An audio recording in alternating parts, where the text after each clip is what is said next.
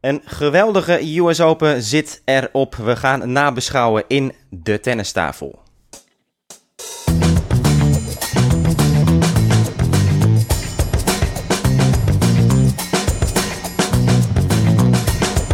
Please take your seats quickly, ladies and gentlemen. Thank you.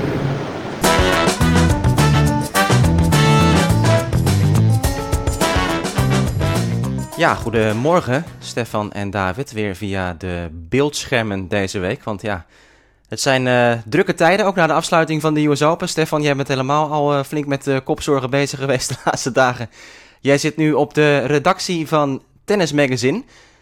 En er komt natuurlijk een mooi nieuw nummer uit, met ook veel aandacht aan de US Open. Vandaag de laatste loodjes, toch? Ja, klopt. Uh, dinsdag uh, 12 uur moet hij naar de drukker. Dus uh, nu nog de, inderdaad de laatste dingen van de US Open toevoegen. Nog wat kleine wijzigingen en dan laten we het los. En dan over tien dagen ligt hij in de winkel en bij de abonnees thuis. Met een hele mooie cover. Jazeker. Ja, David, die... ja, ik heb hem gezien. Gaan we ze in spanning houden, de mensen? Of, Ja, ja. Althans, Stefan, jij bent de baas. nee hoor, ga maar los. Nou ja, the one and only. Potik van de Zandschulp. Hey. Ja, ja. De one and only set, hè? De one and only set gepakt van, uh, van onze kampioen. Zo is het. Onze goat. De eigenlijke nummer twee. Ja, ja, inderdaad. Dus dat is wel een mijlpaal, uh, mijlpaal natuurlijk voor Botek, dat hij de cover haalt van Tennis Magazine. Zo is het. Ja, nee, absoluut. Um, ja, het was natuurlijk een finale die redelijk snel um, is, uh, is geëindigd. Lagen jullie ook lekker L2 plus left vannacht? Of, Ja, ik moet eerlijk zeggen dat ik niet wist waar die man het over had. Nee, jullie, waren, jullie zijn geen legends. Wij zijn geen legends kennelijk, nee. nee. Ik schrok me rot. Ik dacht, die, uh, die krijgt een, een, een, epileptische aanval. Dat had ik niet, maar ik had wel zoiets van... Uh, dat kan nog eens een blessure opleveren, zo'n uh, zo'n val. Nou, zeker zo'n hupje erbij had hij nam. Jongen, jongen. Die, die, duik, ja. die duik nam. Hoe heet dat nou? De dead brick of zo? Wat, dead fish. Of, ja, dead fish? Ja, ik weet het ook Iets niet. met brick? Ja, ja we goed. zijn te oud. Zoveel is duidelijk. Heb je nooit FIFA gespeeld vroeger, David? Ja, jawel, maar dit soort functies had je toen nog niet. Dat je kon kiezen hoe nee. je viert. Nee, gewoon... nee ik, ik, stond vroeger in de rij altijd hoor. Dat was, dan, uh, was aftellen naar de dagen tot FIFA uitkwam. Nou, ik was fan van 2002, FIFA 2002. Die heb ik helemaal grijs gedraaid. Maar verder uh, ja, niet ja, zoveel. precies. Ja. dat soort jaren was ik ook nog uh, zelf actief. Stefan blijft verrassend stil. ik was van, van, de, van de Game Boy en de Nintendo tijd. ja. ja. Tetris. Okay. Maar ik vond het wel grappig, want hij had dus met de jongens in de kleedkamer afgesproken. Of ze, die speelt die FIFA mee met zijn vrienden. Dat hij dan op deze manier zou juichen als eerbetoon ook aan hun. Maar ik schrok echt. Ik dacht, weet je, ik zag ja, Eriksson met een hartaanval. Daley Blind zien uh, eh, neervallen op het veld. Ik, ik schrok echt in deze tijd. Nee, oh jee. Ja, nee, serieus. nou, maar het bleek wel dat hij dus aan het eind ook kramp had, hè? De eindfase van de wedstrijd met Verf heeft hij onthuld. Zeker, ja, ja. goed. Dit, dit, is dan een hele bijzondere uiting daarvan geweest. Uh, als, dit, als dit een krampaanval was. maar ik heb dat ook gehoord. Jij zei tegen Mats Wielander uh, op Eurosport. Nee, het werd nog even spannend met die, uh, die ene break die hij kwijtraakte. En toen het uitserveren in tweede instantie. Dubbele fouten die er meer inkwamen bij, bij Medvedev. Ja. Maar ja, jongens, wat een, wat een kampioen. Hè? Wat een finale van hem. We hebben nog niet eens genoemd van wie die heeft gewonnen, volgens mij. Nee, nee dat weet de luisteraar ook niet, denk ik. nou, hij, hij, hij heeft niet van de echte Novak Djokovic gewonnen in de finale. Laten we het daarop houden. Hè? Ja, maar dat, uh... voor mijn voorspellingen tel ik hem gewoon. Als je het niet erg vindt. Dat had ik ja. jongens. Met Verdef ja. van Djokovic. Of het echt is of ja, niet, dat maakt niet uit. Ja. Nee, jij niet. Ja, maar goed, ik... ja, Djokovic. Nou, ik zei als, als het de finale wordt, Medvedev Djokovic, dan denk ik Medvedev. Maar ik, denk, ik, ik dacht, de, de route van Medvedev naar de finale ja, is wat lastiger zo werkt het niet. dan die van Novak. Dus dan heb ik veilig toch voor Novak gekozen. Ja. Maar nee, maar goed, deze matchup is natuurlijk vaak aan bod al gekomen. Dat heb ik ook tien keer inmiddels uh, verteld. Die, die, die patronen die ze spelen. Ja, Medvedev is gewoon niet bang voor Djokovic. En hij, hij speelt gewoon graag die lange punten ook mee. En dan denk ik van ja, hij, hij merkt gewoon van ja, ik, ik, word, ik word hier niet door geraakt door het spel van, ja. van Novak. En voor mij, die finale in Melbourne was echt een uitzondering. Dat, toen had Medvedev gewoon een soort off-day. Maar als je naar al die andere partijen kijkt in hun rivaliteit, dan heb je toch vaak Zeker zien komen dat Djokovic zich oncomfortabel voelt. Denkt van, hé, hey, ik, moet, ik moet iets anders doen vandaag. En ik moet heel vaak denken aan ook gewoon van vroeger dat... Je hebt natuurlijk een beetje die dynamiek van die grote drie. Uh, Nadal die ging een beetje Federer op een gegeven moment uh, ook op andere baansoorten verslaan. En, en toen kwam Djokovic voor Nadal. Die, die werd weer zijn uh, um, ja, gevaar, waardoor Nadal weer moest aanpassen aan, aan, aan Djokovic. En daar geen oplossing op vond uiteindelijk. En ik heb zo'n beetje zo'n gevoel van Medvedev, is dat voor Djokovic aan het worden? De drie van de laatste vijf wedstrijden had hij sowieso gewonnen al hè, van hem. Dus dat, ondersteunt jouw hele verhaal, hoe, hoe lastig het is voor Djokovic, ook in het uh, verleden geweest. Um, en je ziet in die wedstrijd gisteren, wat je eigenlijk nooit ziet bij Djokovic, ja, het is gewoon wanhoop bij Vlagen. wat hij moet doen. Hij geeft veel te op gas op momenten dat hij helemaal niet doet. Hij gaat op de vreemdste momenten naar het net. Het is gewoon, hij wordt uit zijn eigen spel getrokken. En er is niemand die dat uh, zo goed doet de laatste tijd, de laatste jaren, als Medvedev. Helemaal mee eens. Nee, en, en, en Mats Wielander die zei dat ook al, die vierde ronde in Melbourne, een paar jaar geleden. Ja, toen zag je dat al gelijk, hè? Dat, dat Medvedev gewoon aan die wedstrijd begint van, nou, we gaan lekker eindeloos lange rally spelen. Prima. Deed dat fantastisch. Alleen toen was hij gewoon fysiek nog niet zo ver als nu. En was het na 2,5 set was het gewoon klaar. Weet je wel? Alleen, ja, nu, nu is hij ook gewoon fysiek is hij top. En ja, ik, ik denk dat Djokovic echt een probleem heeft ook uh, voortaan in wedstrijden tegen Medvedev op hardcourts. En, en uh, ja, Stefan, ik weet niet hoe jij er tegenaan kijkt. Nou, wat ik heel slim vond van Medvedev is dat hij heel veel door het midden van de baan uh, sloeg. Waardoor hij weinig mm -hmm. hoeken weggaf. maar ik, ik denk ook wel meer misschien dat Djokovic hem eigenlijk meer verloren heeft dan Medvedev hem gewonnen heeft. Ja, hij had, wel, hij had geen beste dag. Nee, maar dat is denk ik die combinatie van factoren. Dat hij en die, die belachelijke druk had. Plus het feit dat hij wist van shit, ik moet het tegen Medvedev doen, weet je wel. Waar hij ook sowieso al ongemakkelijk tegen is. Dus die combinatie... Ja, het was wel een cocktail, ja. Is, is gewoon ongelukkig. En, en uh, ja, nogmaals, we weten, Djokovic is, is mentaal ongenaakbaar altijd geweest over het algemeen. Nou, een paar keer een uitzondering, wat ik heb gezien, volgens mij alleen in de Olympische Spelen. Een, een paar keer dat hij wist van, nu moet ik pieken, want ik wil dat goud nog een keer winnen in mijn carrière. Dit jaar gezien. Uh, andere keren ook gezien in het verleden. En nu dan in deze finale dat je toch ziet van ja, dit, dit weegt zo zwaar op hem. En hij zei zelf ook, ja, mijn benen werkten niet. En, en weet je, op, op zijn lichaam uh, schoof hij het een beetje af. Maar ja, volgens mij is dat lichaam gewoon aangetast door die druk ook.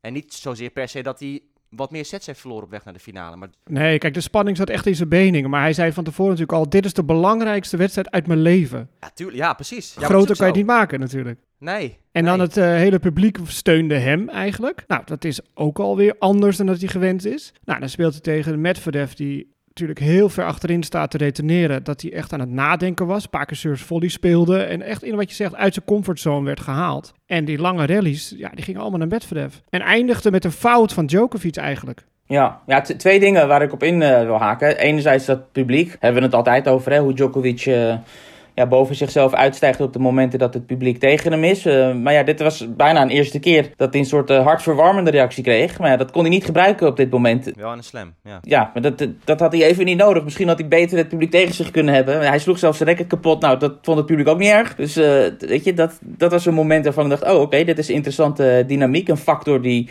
eigenlijk nooit speelt in Djokovic-partijen. Zo'n steun. En, en het tweede, en ik weet niet of dat bewust door Medvedev is voorbereid... want hij heeft een psycholoog immers in zijn box zitten altijd. Uh, die dame die volgens mij heel goed uh, werk aflevert. Maar Medvedev die oogde voor mij heel erg voorbereid en alert op die um, aantal momenten die in Djokovic-wedstrijden altijd voorbij komen. Waarop Djokovic je dan toch recht zet. Of waarop dan toch mm -hmm. hè, die, die ommekeer komt. Of dit, dit is dan. Set, hè, natuurlijk cruciaal. Ja, uitserveren of dat soort dingen. Er waren een aantal momenten in de wedstrijd, zoals in alle Djokovic-wedstrijden, waarop dan de tegenstander kraakt. En Medvedev die gaf op die momenten juist iets extra's, had ik het gevoel. En op die momenten uh, stond hij er en was hij daarop voorbereid. Alsof hij het herkende van, dit is het uh, Djokovic uh, is terug moment. Maar dat ga ik niet toelaten. Ja. Zo kwam het op mij over. Maar de sleutel lag natuurlijk voor een groot deel wat Djokovic betreft ook begin tweede set. Dat hij toen die, die, die kansen had om een vroege break te maken. En hij zei, zei ook zelf na afloop van ja, je weet niet hoe de flow van de wedstrijd is als daar wel die break valt. En dat is denk ik volkomen terecht dat hij dat zei. over dat publiek, ja het is wel de bevestiging nu dat Djokovic ook natuurlijk al jarenlang gewoon jaloers was op anderen die wel publieke steun kregen en hij niet. Want hij vond dit machtig en hij vond dit geweldig. Zelfs in zijn speech dat hij gewoon zegt van, nou ja, ook al heb ik verloren nu. Het feit dat hij die steun kreeg, dat, dat heeft hem zo diep geraakt in zijn ziel. Eindelijk, weet je wel, die verlossing van, hè, hè, ze kunnen ook voor mij zijn. En eindelijk heb ik die, uh, die, die mensen voor me gewonnen. Dat, is, dat vond hij, zo zei hij dat, misschien nog belangrijker. Ja, dan het winnen van het Grand Slam. Ja, ik lach een beetje, maar het is eigenlijk natuurlijk heel triest. En ik vond het ook wel, wel, wel mooi om dat zo te, mee te maken. Dat hij dat zo open en bloot aangaf. En... Ik had ook al een gedachte bij van dat geeft hem nog meer druk. En dat hij die mensen allemaal eigenlijk teleurstelt of zo. Want dat is hij niet gewend mm. dat hij zoveel steun krijgt. En dan staat hij twee sets achter. En voor mij heeft hij hem echt begin derde set die wedstrijd verloren. Dat hij, toen ja. liet hij het eigenlijk een beetje lopen. Hij liep zelfs niet meer op een bal. En toen kwam hij twee breaks achter.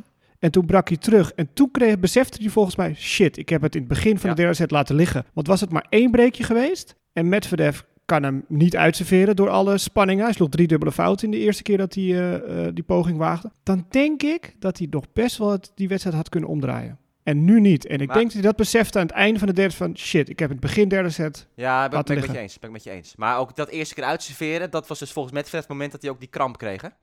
Dus, dus dat is ook nog Ja. een, eh, een factortje erbij.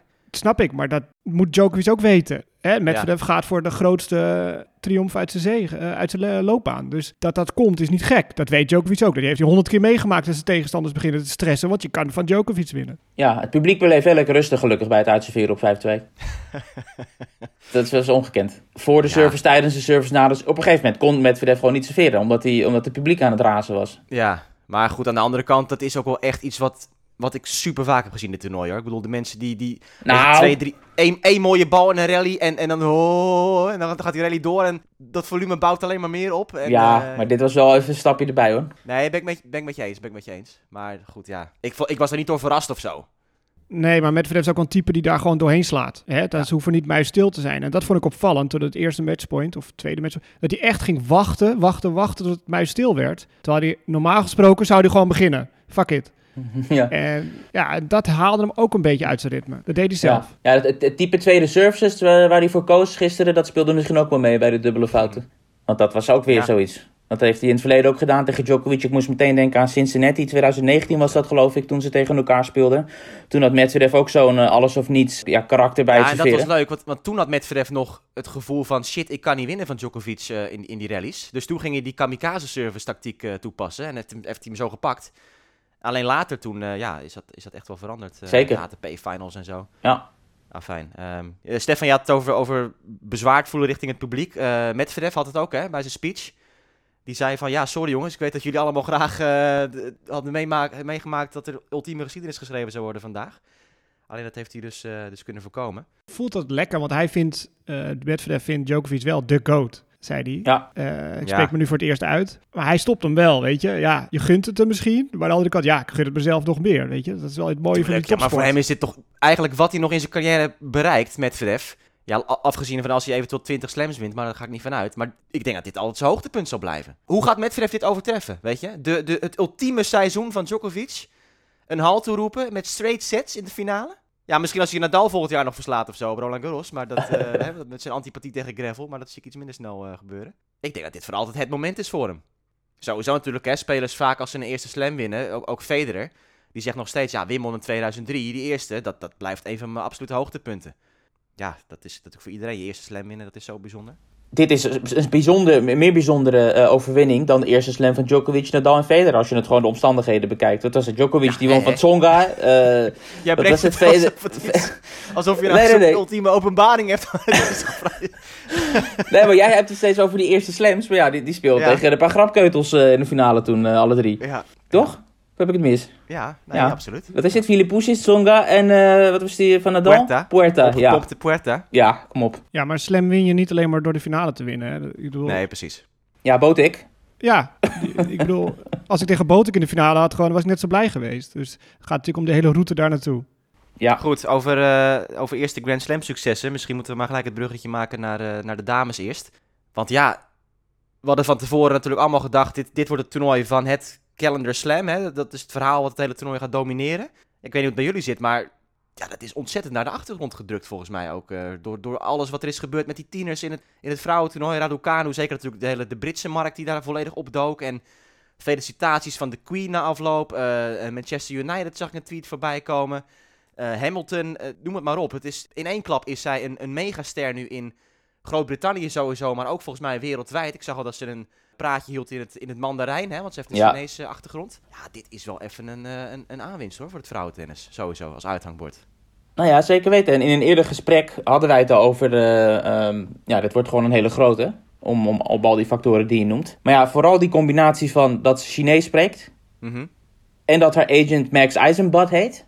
Dat maakt voor mij dat zij, eh, ja, die is, nou goed, we kunnen het eh, ordinair zeggen, die is binnen. Want Max Ja, Eisenbad, even, even toelichten, ja. Max Eisenbad is de, is, is de agent van eh, Sharapova geweest en van Nali, niet te vergeten, en van een hele reeks andere spelers ook. Kortom, die man die weet wel hoe die, eh, hoe die een speler moet plaatsen, eh, hoe die die moet eh, binden aan allerlei eh, merken en dat soort zaken. En zij heeft alle ingrediënten in huis en nu ook een Grand Slam titel. Ja, om gewoon eh, grandioze contracten eh à la Naomi Osaka en Sharapova en Nali binnen te halen. Daar twijfel ik eigenlijk niet aan. Hij pakt wel de, de, de speelsters dan eh, goed op.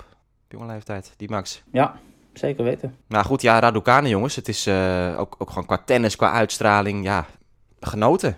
Maar goed, iedereen zou het toch wel weten inmiddels, de, de, de luisteraars, wat ze allemaal gedaan heeft zonder zetverlies. haar eerste US Open deelname afgesloten vanuit de kwalificaties helemaal. Het begon bij Bibiane Schoofs trouwens in de eerste kwalificatieronde. Helemaal door tot en met eh, de finale. En ja, ze had gemiddeld zo'n vijf games per eh, wedstrijd verloren. Het was complete waanzin. Ze heeft in het hoofdtoernooi, ze heeft in het hoofdtoernooi geen één keer meer dan vier games per set verloren. Ja, niet normaal. En won van eh, Leila Fernandez. Dat is ook een heel verhaal op zich in de finale. Ehm, ja, mijn conclusie is gewoon dat we een hele mooie toekomst eh, tegemoet gaan, denk ik, in het vrouwentennis. Stefan blijft stil, hè? Die zit eh, aan die halve finale te denken. Ja, ook dat ja. Ja, dat- ik zei het al tegen David. eh eh, Arina Sabalenka moet van eh, 128 eh, speelsters winnen, niet 127. Want ze moet ook voor zichzelf zien te winnen. Ja, die heeft echt wel van zichzelf verloren in die halve finale tegen Fernandes. Ongelooflijk. Ja, die finale van de vrouw. Ja, iedereen was zo lyrisch. Maar ja, weet je, als dat een eerste ronde is op baan 20, zit er niemand te kijken. En er waren Nee, ook veel fouten. En eh, ik vond het helemaal niet zo eh, te gek. Ik had toch wel liever een bekende naam eh, in die finale. En dan mag Raducanu nog Ja, steeds echt, winnen. Ja, dat had ik toch liever gezien. Ik vind dit al wel een beetje overdreven met alle verrassingen.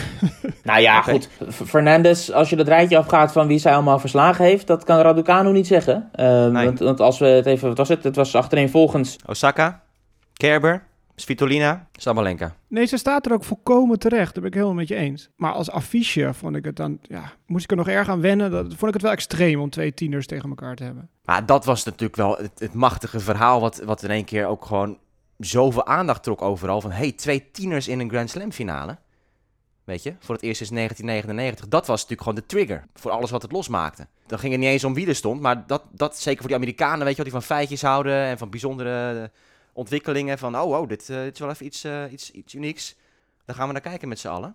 Ik denk dat dat echt wel goed is voor de sport eh, geweest op zich. Ja, ja, toch denk ik dat die Fernandes... dat dit echt een uitschieter is voor haar carrière. Ja? Ik denk, denk ik zo. Maar in Raducanu niet. Dat is wel echt uh, blijvend. En dat vond ik om Wimbledon al. Toen hebben we er volgens mij ook al over gesproken. Vond ik haar zo frisse verschijning. Snel, een mooie spelopvatting. Ja, toen raakte ze in de stress of zo. Ze, ze moest opgeven. Ze kwam hè, de kleedkamer niet meer Ja, uit. Ja, ze een van- ademhalingsproblemen. En, Ja. en, en toen eh, kreeg ze het advies van stop maar, want dit gaat de verkeerde kant op eh, misschien. Maar goed, dat was al vierde ronde. Dus dat was bijzonder knap. Hè? We hadden nooit op dat eh, hoge niveau gespeeld. Dat is echt wel een blijvertje. En die gaat denk ik misschien nog wel meer winnen. Maar Fernandes zie ik niet zo eh, zie ik niet gebeuren. Maar ja, ik heb het bijna altijd mis. David? Nee, ik, ik denk dat Fernandez het ook wel eh, goed zal kunnen blijven doen. Want één ding wat mij opviel in haar spel, dus ze is redelijk klein van stuk met haar 1,68. maar de manier waarop zij ehm, ja, toch met dat tempo van tegenstanders waarvan je verwacht dat ze haar eraf beuken, hoe ze daarmee om kan gaan. Hoe ze steeds achter die ballen komt en, en dat steeds terug weet te brengen. Ik zie, ik zie niet in waarom dat ehm, iets zou zijn van, eh, van één toernooi. Weet je, dat, dat heeft ze. Nou, en, en ook gewoon hoe mentaal sterk zij is volgens mij. Ja, het kan natuurlijk zijn dat als de omgeving anders is en dat het niet een, eh, een doldwaas eh, New Yorks publiek is en weet je, dat dat ja, haar vleugels heeft gegeven. Dat zullen we later eh, gaan zien. Alleen die, die fitnesscoach die mag iets meer betrokkenheid tonen af en toe, hè? Ja, die waren allemaal eh, doorgesnoven Je had één shirtje meegenomen ook naar New York, dat is ook wel leuk. Dat, eh, Ja, Jezus, die had wat eh, pilletjes. eh, niet te geloven. Dat leek het wel. Nee, maar Raducanu, eh, nummer 338 van de wereld toen ze aan Wimbledon begon. Ze heeft nog nooit een WTA-wedstrijd gewonnen. en de komende weken, ze heeft nog steeds allemaal eh, wildcards nodig, hè? Als, ze- als ze in New Wales wil spelen of als ze welk WTA-toernooi dan ook wil spelen. Want dat is allemaal zes weken van tevoren inschrijven. Ja, Maar dat komt wel goed. Britse nummer 1 trouwens, voor het eerst sinds eh Conta, die was dat eh, jarenlang. Dus ook een, eh, ja, is ook wel iets bijzonders. Eh, ja, Sabalenka, het werd net even in een bijzinnetje genoemd, toch wel even eh, benadrukken nog. Die, die verloor inderdaad van zichzelf in die halve finale. Ze heeft ook gezegd, "De- we moeten meer Grand Slams hebben in een seizoen. maar ja, dat is natuurlijk... eh, ja, ik kan me voorstellen. Maar over, over druk gesproken, ja, kijk, Djokovic die legt zich de druk op als hij voor zijn eh calendar slam gaat, maar... Sabalenka, die begint nog steeds met, eh, met gewoon een heel ander gevoel van... nu moet het een keer gaan gebeuren in elk Grand Slam toernooi wat ze speelt. Dat zag je nu ook weer. Nou ja, het, is natuurlijk ook dat het daar moet gebeuren. Hè? Als je nummer twee van de wereld bent, ja, dan moet je ook op de slams natuurlijk presteren. En twee keer een halve finale op rij. Dus op zich maakt ze stappen. Maar toch heb ik het gevoel, is ik het gevoel, dat ze het ergens heeft laten liggen. Misschien tegen Pliskova niet, want die speelde wel goed op Wimbledon, zeg maar. Maar nu zeker. Je, zag gewoon dat ze zo ontzettend zich aan het opblazen was, weet je. Te, te heftige reacties en zo. En totaal niet meer in staat om gewoon eh, helder na te denken. Ja, zonde. Dat, Je eh, moet een keer die psycholoog van Medvedev eh, raadplegen. Ja, en die ziet natuurlijk tegelijkertijd eh, om zich heen uh, Krejcikova en allerlei andere mensen het wel winnen. Dus die denkt, eh verdorie, eh, Nou, ik kan me wel voorstellen dat een Sabalenka, die zelf ook 2,23, volgens mij 23, dat zij nu die finale ziet en denkt, hé, hey, verdikke me, er komt alweer een nieuwe generatie komt eraan, weet je wel. Dus dat zal misschien voor straks de komende Grand Slam toernooien eh, nog, nog extra druk geven van, ik moet het toch maar een keer gaan doen, want straks word ik misschien gepasseerd door alweer een paar eh, andere jonge dames. het Alcaraz-effect. Ja, Maar, maar, maar denk, denk je er nu dat, dat zeg maar bij de Australian Open die begint, dat echt iedereen in het deelnemersveld denkt van, ik kan het winnen? Door wat we nu hebben gezien op de US Open? Of, of is dit Nou, gewoon nee. uitzonderlijke talenten, Ja. zeg maar? Ja, maar ik vind ook dat we het niet moeten overdrijven. Want het is wel zo dat heel veel topspeelsters gewoon ver zijn gekomen, hè, dit toernooi. Volgens mij de eerste week was het verhaal dat de hele top 20 ging naar de derde ronde of zo. Of in ieder geval, ja, in ieder geval een heel, heel groot deel daarvan. Ja goed, Fernandes heeft gewoon een hele serie van die grote namen weggetikt.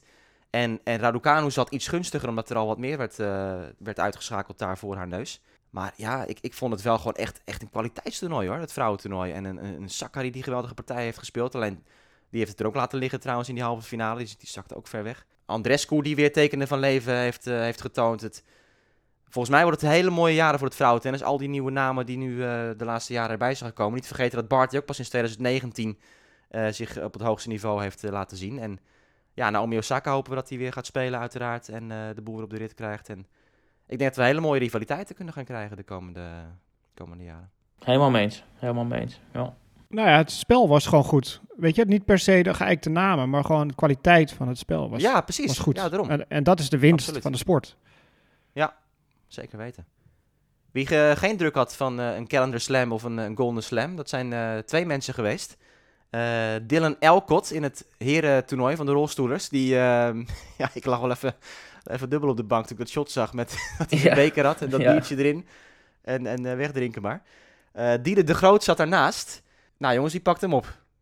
Golden Slam. Het is helemaal niet zo moeilijk kennelijk. Hè? We hebben het over een unieke prestatie, Calendar Slam, Golden Slam. Maar we hebben gewoon één toernooi waar drie, zelfs vier, hè? want ook bij die dubbelspelers in het rolstoeltennis is er een Career Slam gekomen. Career Slam of Calendar Slam? Uh, Calendar Slam. Die Gordon Ja. Reed en die Alfie Hewitt hadden dat eh Oh ja, gepresteerd. ja, ja. ja. Ehm, en die de Golden Slam en elke de Golden Slam. Dat het allemaal samenkomt zo in één jaar is eigenlijk eh, totaal eh, te gek voor woorden. Tja, ja, Diede de Groot, vier jaar op rij US Open ook, eh, ook weten te winnen nu. Ja. Ja, nee, ja, wat kan je over Diede de Groot nog zeggen? Het is gewoon de, de, de nieuwe Esther Vergeer. Diede de Goat, hè? Diede de Goat. Op dit moment. nou, op dit moment. Nog gewoon weg te gaan, Ja, denk ik, om, eh, om Vergeer eh, in te halen. Die is pas 24 en nu al echt ja, ja, veruit de beste. Ze is super sterk, slaat echt, echt krachtig voor een backhand. En met die druk omgaan inderdaad. Ja, kijk, de rolstoelers beginnen natuurlijk wel in de kwartfinale. Hè? Dus dat zijn drie potjes die je moet winnen. Eh, speelt heel vaak tegen, die, eh, tegen dezelfde namen. En ook nu weer tegen Yui Kamichi, waar de, Ja. de derde Grand Slam finalist alweer. En die Dylan Ja. Elcott, dat is trouwens in de quads. Die hebben dan dus wat anders dan rolstoel. Ja. Die hebben dan een beperking zowel Ja, aan eh, bovenlichaam als onderlichaam, en ledematen. Dus die hebben het extra lastig. En die won in die finale van Niels Vink, een Nederlander. Eh dus wel knap dat hij dat haalde. 18 jaar. Ja, het is echt een grootheid in Australië, die Dylan Elcott.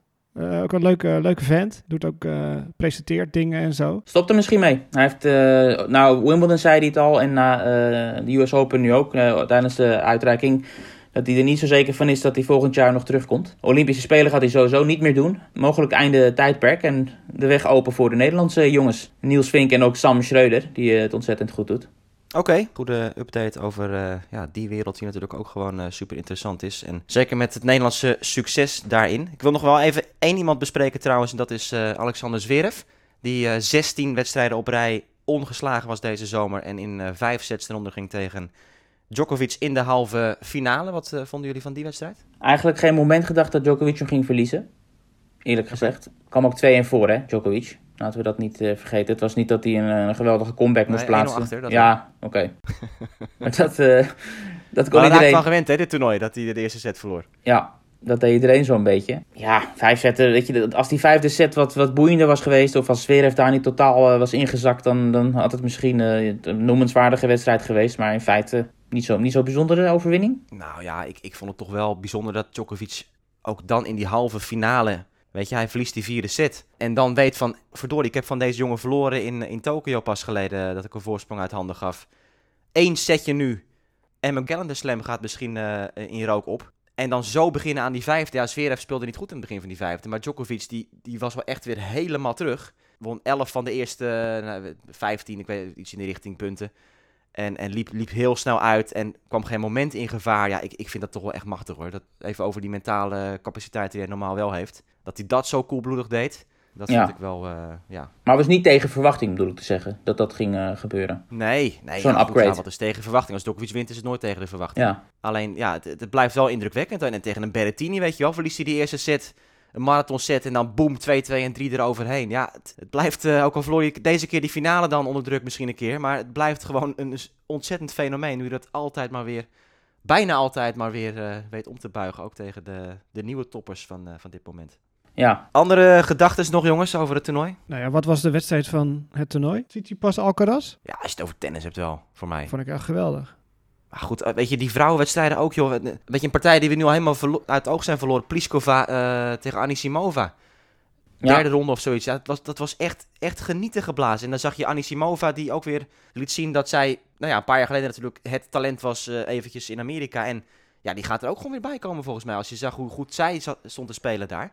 En, en al die namen in het vrouwentennis die, die mooie wedstrijden kunnen spelen. Ja, dat, dat vind ik, dat is denk ik wat mij gewoon het meeste blijft hangen. Dat het, dat het maar door blijft gaan. Dat de vrouwentennis steeds sterker wordt en steeds interessanter. En al die affiches in de derde, vierde ronde. Quote van Halep schiet ineens te binnen dat zij toen uit eten was met haar team en, en keek naar die derde of vierde ronde affiches en, en, en zei van wat, wat, wat is dit joh? Dit zijn allemaal halve finales. Potentieel van, eh, van een slam, zo goed. En, eh, ja, en zo is het ook gewoon. En, en dat is gewoon leuk natuurlijk bij die vrouwen. En we hebben jaren meegemaakt dat het ook open lag, maar het niveau ook gewoon ja, minder was, laten we eerlijk zijn. En, en eh, partijen vaak tegenvielen. Maar ja, nu is het gewoon en leuke affiches en topduels. En ja, dat neem ik hieruit mee, denk ik, voornamelijk. En natuurlijk Alcaraz, ja, bij de mannen. Toen bleef het stil. David?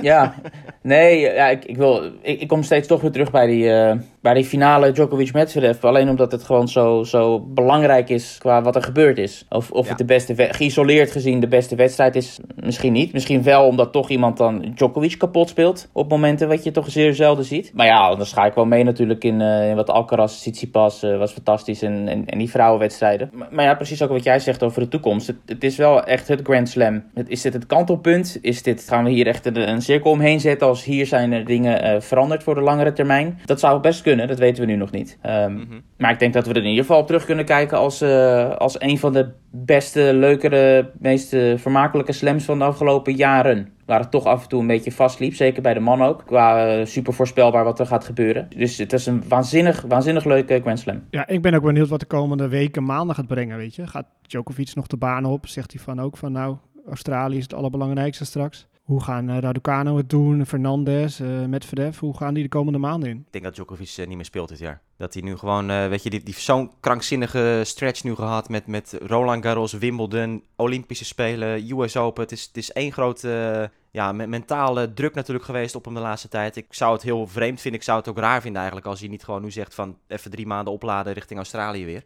En, want wat, wat valt er voor hem te halen joh, komende maanden? Weet je, hij heeft, heeft alles, eh eindejaars nummer 1 heeft hij in handen. Dat kan, dat kan niet meer misgaan. Turijn gaat hij wel spelen, de beste acht. Nou ja, waarom? Wat- wat, wat heeft hij finals. hemelsnaam te doen? Wat, wat valt er te winnen voor hem? Hij heeft Het het toernooi ook record? eh, tegen keer gewonnen. nou, en, maar nog eh, niet, het- nog niet het meeste.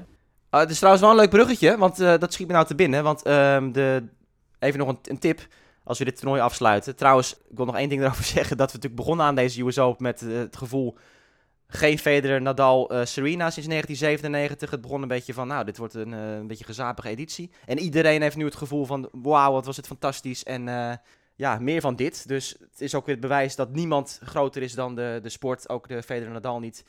Daar hebben we toch ook, denk ik, ja, niet superveel aan gedacht met al deze mooie affiches die we voorgeschoteld kregen. Maar wat ik wil zeggen is, de ATP-finals, ja, dat brengt me op de documentaire van Marty Fish.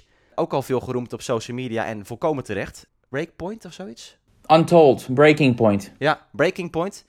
Over hoe eh, Marty Fish ja, mentaal met zichzelf in de knoop raakte en eigenlijk daardoor zijn tenniscarrière moest, eh, moest beëindigen. Ehm, er komt ook een mooie ding over in dat hij, dat hij aan het eind van zijn carrière helemaal opleefde, super fit werd. En had hij droom om ooit die ATP-finals te halen en daar kwam hij toen bij. Ja goed, dat is echt, echt een mooie, mooie docu om te gaan kijken. Zeker in deze afkikperiode van na de US Open. Dus ja, dat. En dat is misschien een eh, mooi eindpunt voor deze aflevering. Ik wil nog wel eens eh, even vooruitkijken. Stefan, het eindwoord? Ja? Nou, dat ga ik niet winnen van jou. Maar we hebben Davis Cup eh, komende week. Davis Cup komende week. Nou, vertel. De Nederlanders zijn afgereisd naar Uruguay. Die nemen het daar op. eh, vrijdag en zaterdag. Kunnen we weer graveltennis zien. Kijk eens. Met En als we Botek winnen? in het vliegtuig. Met Botek in het vliegtuig. Ja, en Tellen en Robin en Matwee en Wesley. En volgens mij als we winnen, dan spelen we volgend jaar weer een play-off richting de finals. Dus op zich eh, wel weer belangrijk natuurlijk. We gaan er eh, naar kijken. Dank weer voor het eh, luisteren allemaal naar deze aflevering. En natuurlijk gaat de tennistafel ook weer door. Wij gaan ook alle actie van komende week weer in de gaten houden. Bedankt en tot gauw.